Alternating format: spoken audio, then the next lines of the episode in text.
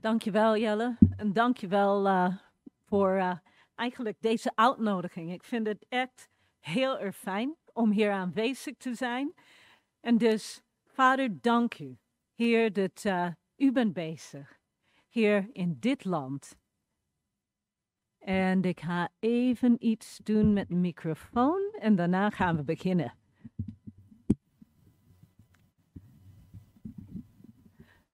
Ik denk dat dit beter is nu. Nee, nog niet. Ik ga dan even wat hulp vragen van een van de geluidsmensen, zodat jullie mij goed kunnen horen wanneer ik wel begin.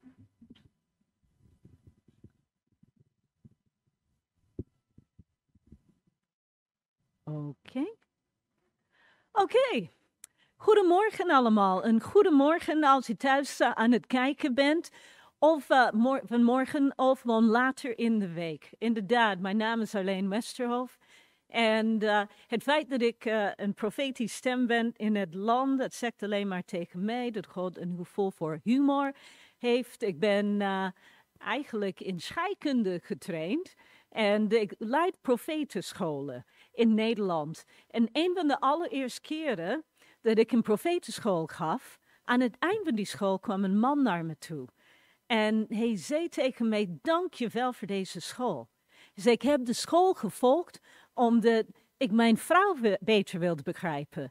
Zij is profetisch, maar ik niet. Maar hij zei, ik ben accountant en ik dacht nooit dat ik in staat was om te profiteren. Maar hij zei, door deze school heb ik geleerd om te profiteren, maar ik heb ook geleerd accountants kunnen profiteren.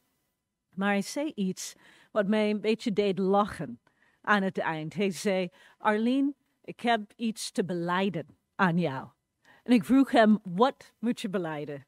En hij zei, eigenlijk, het was pas week drie van de vier weken dat ik ontdekte dat jij de docent was. En ik zei tegen hem, het feit dat ik voorin stond om les te geven, heeft u dat niet uh, laten zien? En hij zei, nee, ik zag je, maar hij zei, je ziet er zo anders uit dan wat ik voor oog heb als profeet. Hij zei, ik bleef wachten op de waar profeet, de oude man met de lange grijze baard en geitenwolle sokken. En dus ik lachte, ik moest even lachen. Omdat ja, mijn vak, voordat ik uh, fulltime de bediening inging, was scheikunde. En dus ik ben gepromoveerd in de scheikunde en ook chemici kunnen profiteren. Maar God heeft een woord voor deze tijd. En een van de functies van profeten in de roerige tijd waarin wij nu leven, is om mensen te helpen eigenlijk een blik omhoog te richten en een andere beeld te krijgen van uh, wat we zien in ons dagelijks leven.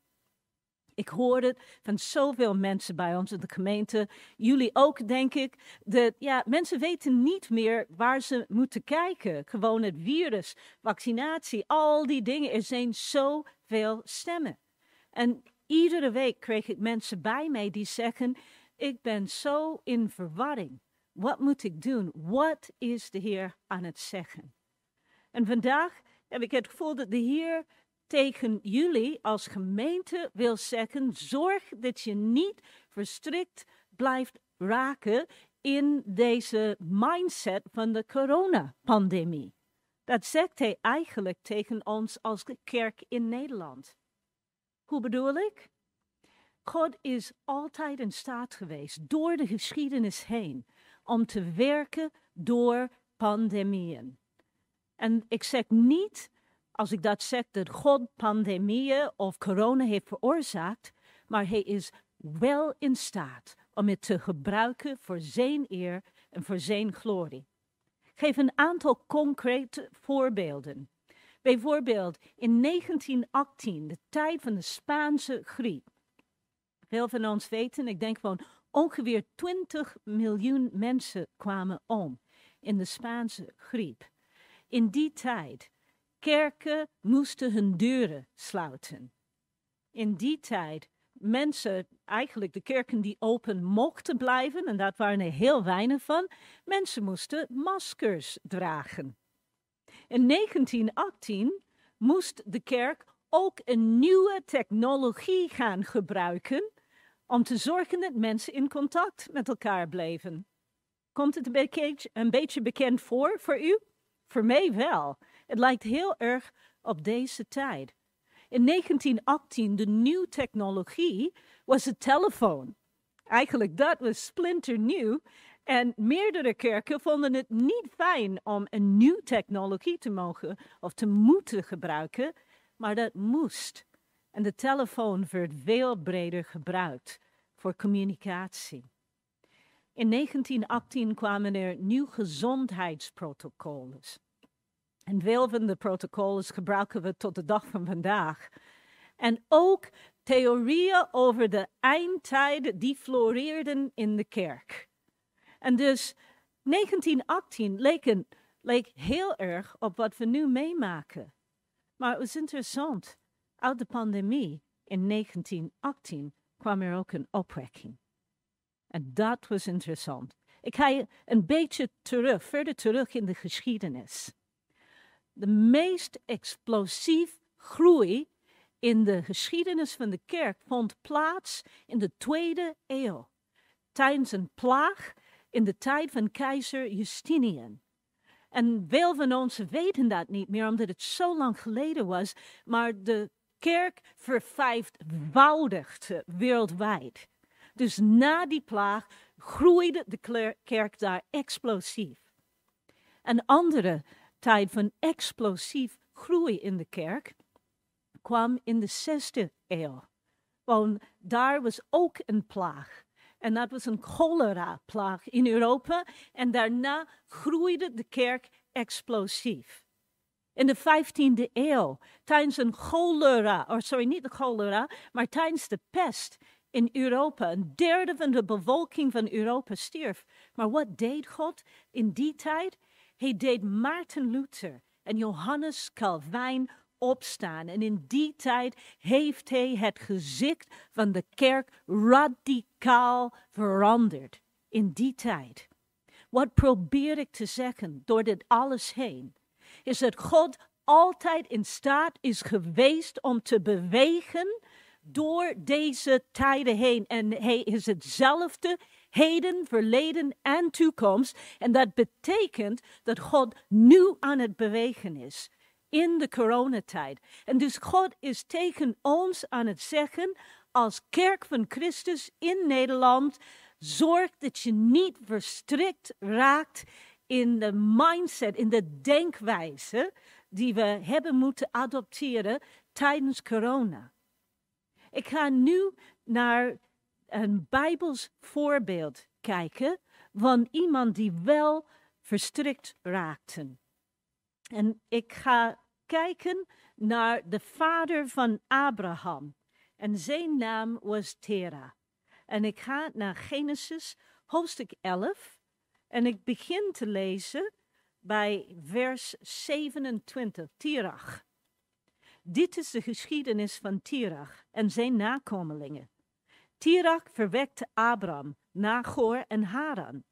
En Haran verwekte Lot. En Haran stierf nog tijdens het leven van zijn vader Tirach in Ur, een stad van de Galdeën in zijn geboorteland. Abraham en Nagor trouwden allebei. En Abrams vrouw heette Sarai. Nagors vrouw heette Milka. En zij was een dochter van Haran, die naast Milka nog een dochter had. En Sarai was onvruchtbaar. Zij kreeg geen kinderen. Een van de dingen wat ik zo bijzonder vind van de Bijbel is dat het maakt dingen niet mooier dan het is. Sarai was onvruchtbaar. Tot nu toe lijkt het een gewoon verhaal van een gewoon familie, een gewoon geslacht. En hier komt het in vers 31 van Genesis 11. Tirach verliet Ur, de stad van de Galdeën, en hij nam zijn zoon Abraham met zich mee, evenals zijn kleinzoon Lot, de zoon van Haran, en zijn schoondochter Sarai, Abrahams vrouw. En samen gingen zij op weg naar Canaan. Maar, en dit is een groot maar hier, toen ze in Garan waren aangekomen, bleven ze daar wonen. En het is een tragisch vers wat volgt. Vers 32. Tirach leeft 205 jaar en hij stierf in Garan. Tirach is voor mij een voorbeeld van iemand die vastgestrikt raakte op een bepaald punt. Tirach, hij verliet Ur van de Galdeërs en hij ging op weg naar Canaan. Ik kan het niet bewijzen, maar ik heb het idee dat Tirach iets heeft gevoeld van een soort leiding van God zonder dat hij Gods stem wist te verstaan. Omdat de Bijbel zegt niet dat God direct tot Tirach had gesproken, maar later zien wij dat God Abraham, Abraham toen riep om dat reis te hervatten en toch naar Canaan te gaan. Dat was interessant voor mij. Maar Tirach begon bij Ur. Hij ging op weg en ongeveer halfweg, als je kijkt naar een kaart, gewoon kwam hij naar, of kwam hij gewoon bij um. En daar bleef hij en daar stierf hij. Als ik dit lees, ik heb het idee dat Tirach wist er meer was. Er was iets in het land van Canaan dat daar klaar zat voor hem. Maar op de een of de andere manier, hij raakt verstrikt. En hij bleef halfweg gewoon hangen en daar stierf hij. Heeft niet zijn bestemming, of in ieder geval de roeping van God, in mijn termen, op zijn leven voltooid.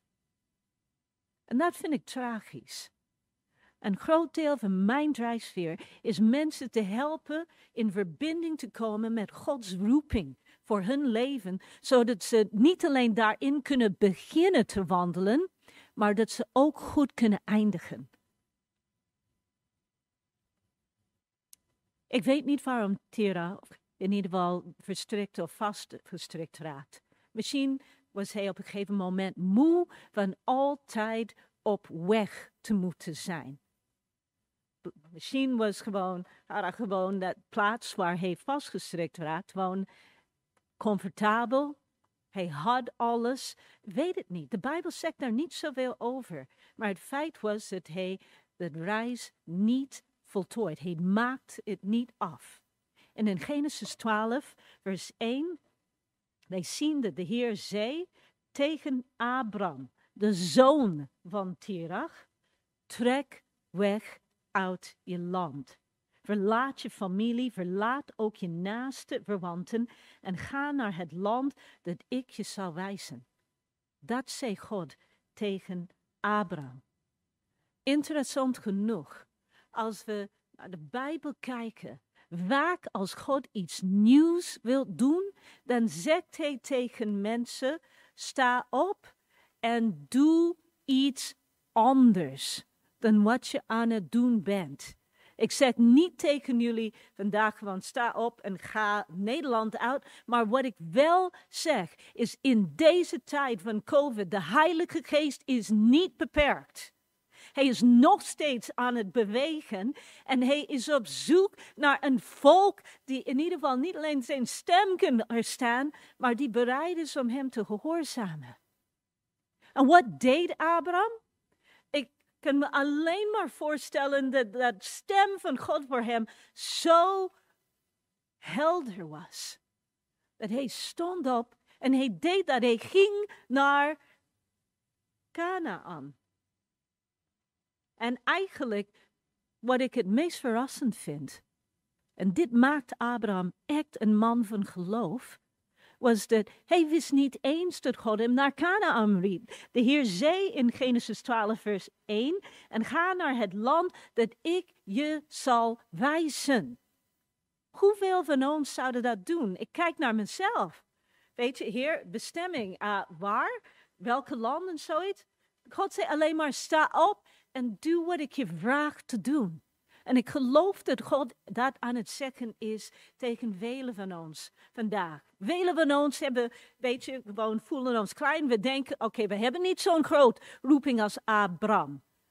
Maar wij lezen deze dingen. Wij kennen het eind van het verhaal. Abraham niet. En ik kan je verzekeren dat Abraham misschien niet zo groot voelde toen God hem riep. Hoe moest hij dat aan Sarai uitleggen? Oké, wij gaan uh, optrekken, maar ik weet niet waar. Maar God heeft gesproken, maar hij laat ons zien wanneer we aankomen. Maar dat deed hij wel. En dat maakt Abraham een man van geloof. Wanneer God iets nieuws wil doen, doet hij dit soort dingen vaak. Waarom? Omdat als wij in ons oude denkbeelden blijven. Weet je, het land is aan het lijden onder COVID. Ik ben niet blind voor het lijden. Omdat we hebben ook mensen gekend die zijn gestorven. Maar de Heer zegt tegen ons als kerk in deze tijd, ik heb jullie niet een geest van angst gegeven, maar van kracht en andere dingen. En dus komen onder de angst is een van de dingen die kan zorgen dat wij vastgestrikt raken. En vooral als we naar het nieuws luisteren, et cetera. Maar door dit alles heen, God is aan het zeggen tegen ons, hef je ogen omhoog, omdat ik, ik ben aan het werk in Nederland, aan het werk in Nederland. In vers 2 van Genesis 12, God zei tegen Abraham, ik zal je tot een groot volk maken. Een man die al ouder was, ongeveer 75 jaar toen dit gebeurde, wiens vrouw onvruchtbaar was. Als we kijken met ons menselijk verstand naar dit verhaal, kunnen we zeggen, weet je, het is totaal onmogelijk. Maar Abraham leeft ook in roerige tijden. Maar God was bezig om iets anders te doen dan wat Abraham gewend was. God wilde een volk, een nieuw volk, doen geboren worden. En God gaat verder en zegt, ik zal je zegenen en je aanzien geven. Abraham was in die tijd niet iemand bijzonder. Een bron van zegen zul je zijn. Ik zal zegenen wie jou zegenen. Wie jou bespot zal ik vervloeken. Alle volken op aarde zullen wensen gezegend te worden als jij. Dat zei God tegen Abraham. Wat maakt Abraham een soort held van het geloof? Voor mij en voor ons.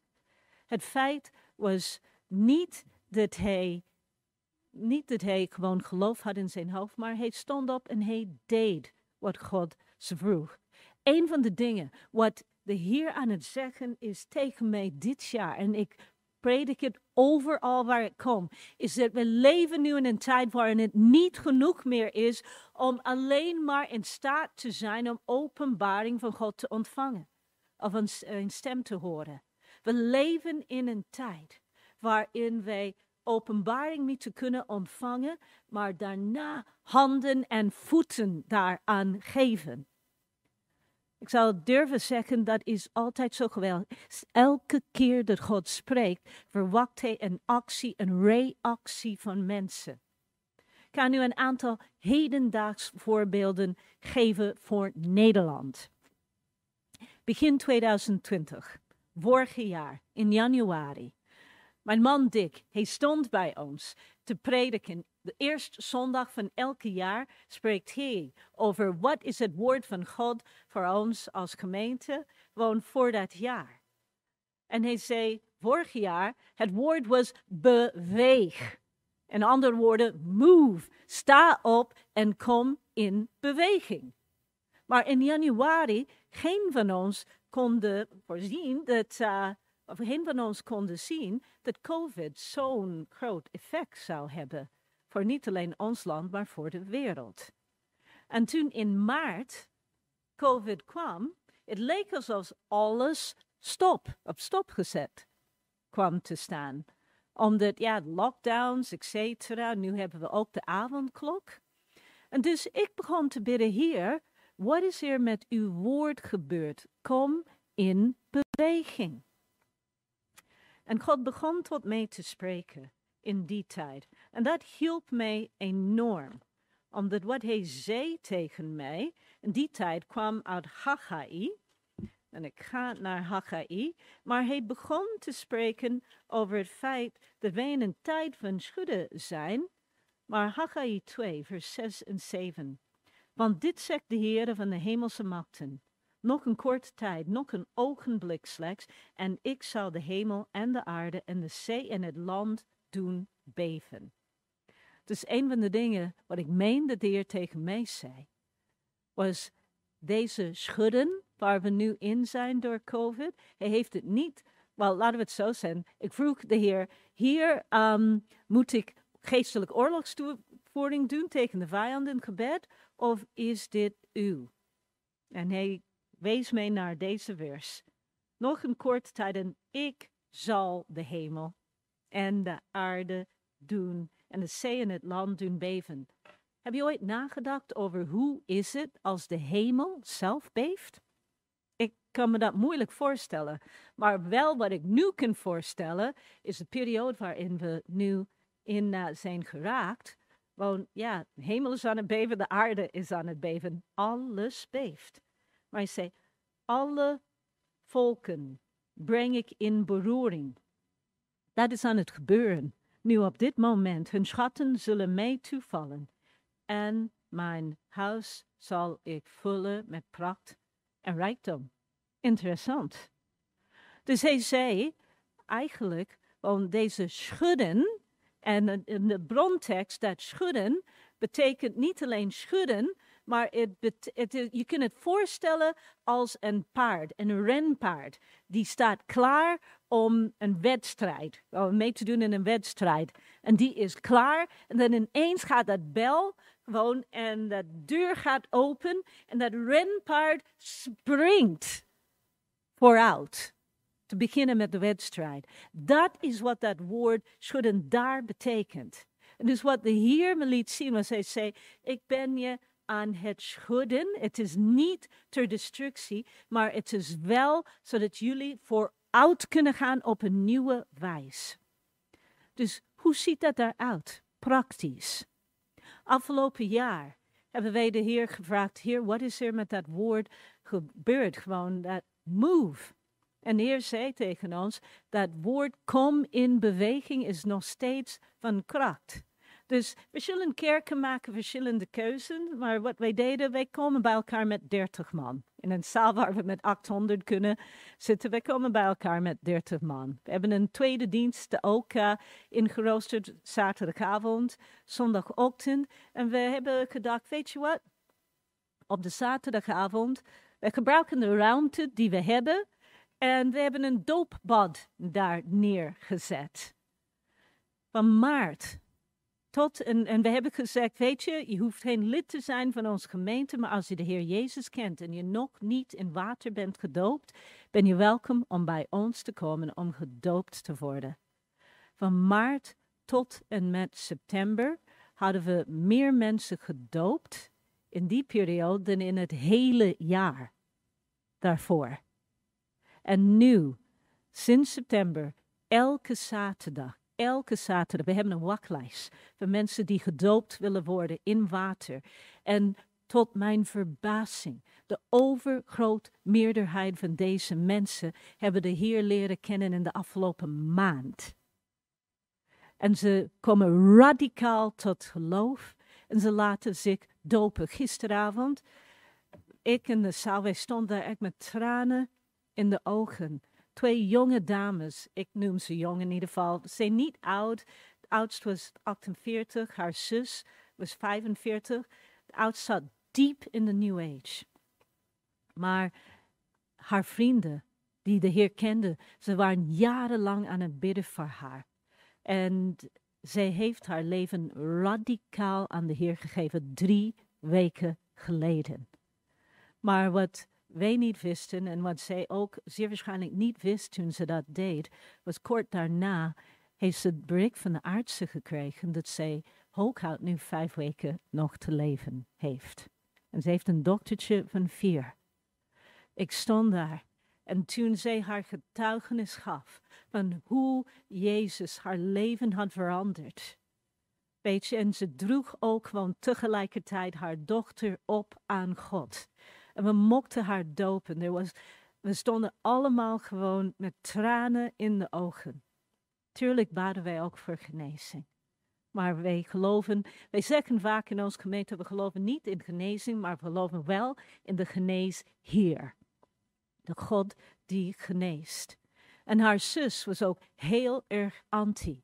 Maar toen haar jongere zus van 45 zag wat voor verandering er kwam in het leven van haar ouderzus, die keerde zich ook naar de Heer en nam hem aan in haar leven. En dus dat jongerzus wordt ook gisteravond gedoopt. En zij droeg ook haar dochtertje op aan de Heer. Ik zit te denken, God is aan het bewegen, ook in coronatijd. Sinds maart vorig jaar nu tot op dit moment hebben we vijf keer zoveel mensen mogen dopen en tot de Heer zien komen dan in de afgelopen vijf keer, of sorry, vijf jaar hiervoor. En ik zei tegen iemand gisteren, en ik zeg het niet trots, ik zeg het alleen maar vol bewondering voor God. Wat ik zie keer op keer op keer is voor mensen, niet alleen kerken, maar voor u, voor individuen, die zelfs een klein, in ieder geval een klein stap nu zetten op de weg die God je vraagt te zetten. God is grote dingen aan het doen in onze midden. En een aantal, wat was het? In november, half november, mochten we iemand dopen. Vijf weken eerder heeft hij zijn leven radicaal aan de Heer gegeven. Had hij dat gedaan. Hij stond er 67 jaar, echt met tranen over zijn wangen.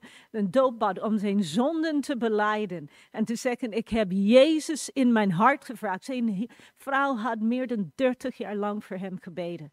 Op de knieën. 30 jaar lang.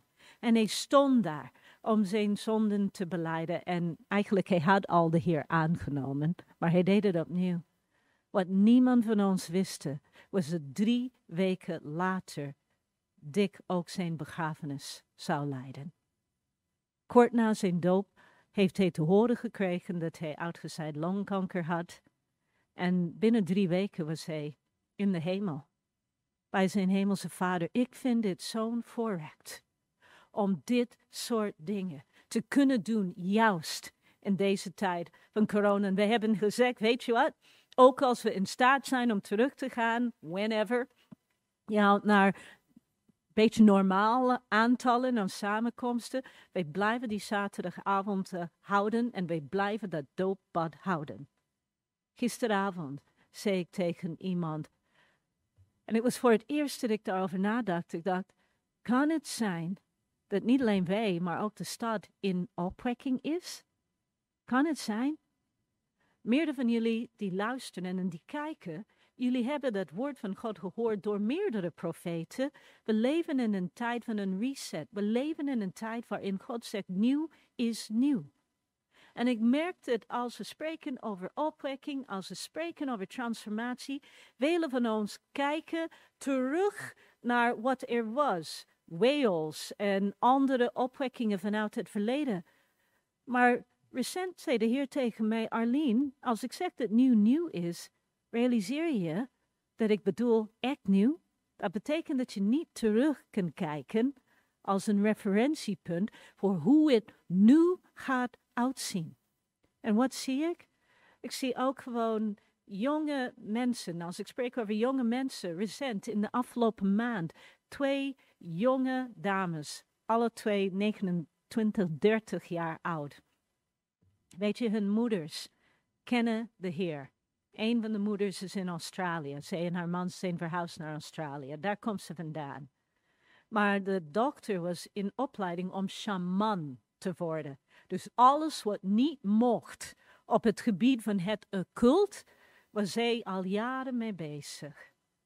En op een gegeven moment woonde een jong knul bij ons in de gemeente die haar kent. Hij is sinds kinds af aan bevriend met haar. Hij was haar aan het uh, vertellen, weet je, gewoon als je het idee hebt dat uh, de duivel achter je aangaat, en dat had ze, kun je bidden en de Heer vragen om hulp. En dus zat bad zij. En ineens kwam de Heilige Geest op haar. Dit was een telefoongesprek. Dit was niet een revival samenkomst. Het was een telefoongesprek. En zij viel op de grond. En zij begon de Heer in ieder geval uit te roepen naar de Heer. En ze zei, Heer, ik geef mijn leven aan u. En de Heilige Geest kwam binnen en we mochten haar in november ook dopen. En we hebben een filmpje gemaakt voor die ouders in Australië. En de moeder messaged mij, omdat moeder is ook een vriendin van mij, de dag daarna. En ze zei, dank jullie zo wel dat jullie dit hebben gedaan. Ze zei, ik moet beleiden. Ze zei, ik had het opgegeven. Ik ben zo vaak teleurgesteld. Dat ik het had opgegeven om voor haar te bidden. En gisteren, bij de eerste dag van ons profetenscholen, wie zat daar? Die jonge dame.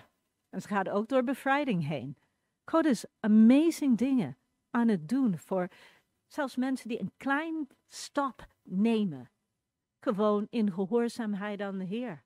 Ik kan doorgaan en doorgaan en doorgaan. In Amsterdam op dit moment, we hebben evangelisatieteams op straat. Weet je? En zij zeggen, zij zijn, waar komen ze andere christenen vanuit andere gemeentes die op straat zijn om te evangeliseren. Ik denk niet dat in de dertig jaar dat ik in Nederland ben, dat ik zo'n periode ooit heb gezien. God is aan het bewegen in Nederland. En ik geloof dat wat hij tegen ons wil zeggen, en hier gewoon mee ja, eindig wat ik nu ga zeggen of wat ik uh, wil zeggen. Maar God is ons aan het bewegen. Hij is zelf aan het bewegen, maar hij is ons aan het bewegen. En wat ik zie keer op keer op keer in dit land is een ieder. en het maakt niet uit of je sterk voelt of niet. Maar een ieder die een klein stap neemt in opdracht van de Heer. God is nu deuren aan het opengaan die je niet voor mogelijk stelt. Ik hoor keer op keer, wekelijks, meerdere keren per week. Niet alleen bij ons in de gemeente, maar door andere christenen heen in Nederland. Dit is niet een tijd waarin het, we stil kunnen zitten. God zegt, beweeg. Zijn woord is waar. Zijn woord blijft van kracht. Doe wat je kunt met de bewegingsruimte die je hebt. Waarom? Omdat Gods hart gaat uit naar Nederland. Dit is de tijd voor Nederland. Niet volgend jaar, als de regelgeving voorbij is. Nu is Gods tijd voor Nederland. En Psalm 22, vers 29. Want het koningschap is aan de Heer. Hij heerst over de volken. Dit is niet iets voor wanneer Jezus terugkomt. Dit is voor nu. Nu is het koningschap aan de Heer in Nederland. En nu heerst Hij over onze land. En daarmee wil ik je zegenen. Vader in de hemel, Heer, ik bid, dank je dat uw geest aan het bewegen is in dit land. En Vader, ik bid voor een ieder die kijkt, of nu of later, Heer, dat u ons de moed geeft om de stap te zetten. Vader, ik vraag u, breek ons uit dat mindset die zegt gewoon, we moeten alleen maar zitten en wachten tot dit voorbij is. Uw geest is aan het bewegen. Heer, ik spreek een zegen uit over schuilplaats, een zegen uit over uw kerk in Nederland. Vader, juist nu, help ons om te bewegen. De ruimte in te nemen die u ons geeft, te bewegen. Heer, zodat uw glorie en uw liefde gezien kan worden. Nu is de tijd voor opwekking. Nu is de tijd dat uw koningschap zichtbaar wordt door uw volk. En ik zegen u en ik zegen u ook gewoon met het vermogen om de stem van God goed te kunnen onderscheiden door alle andere stemmen heen.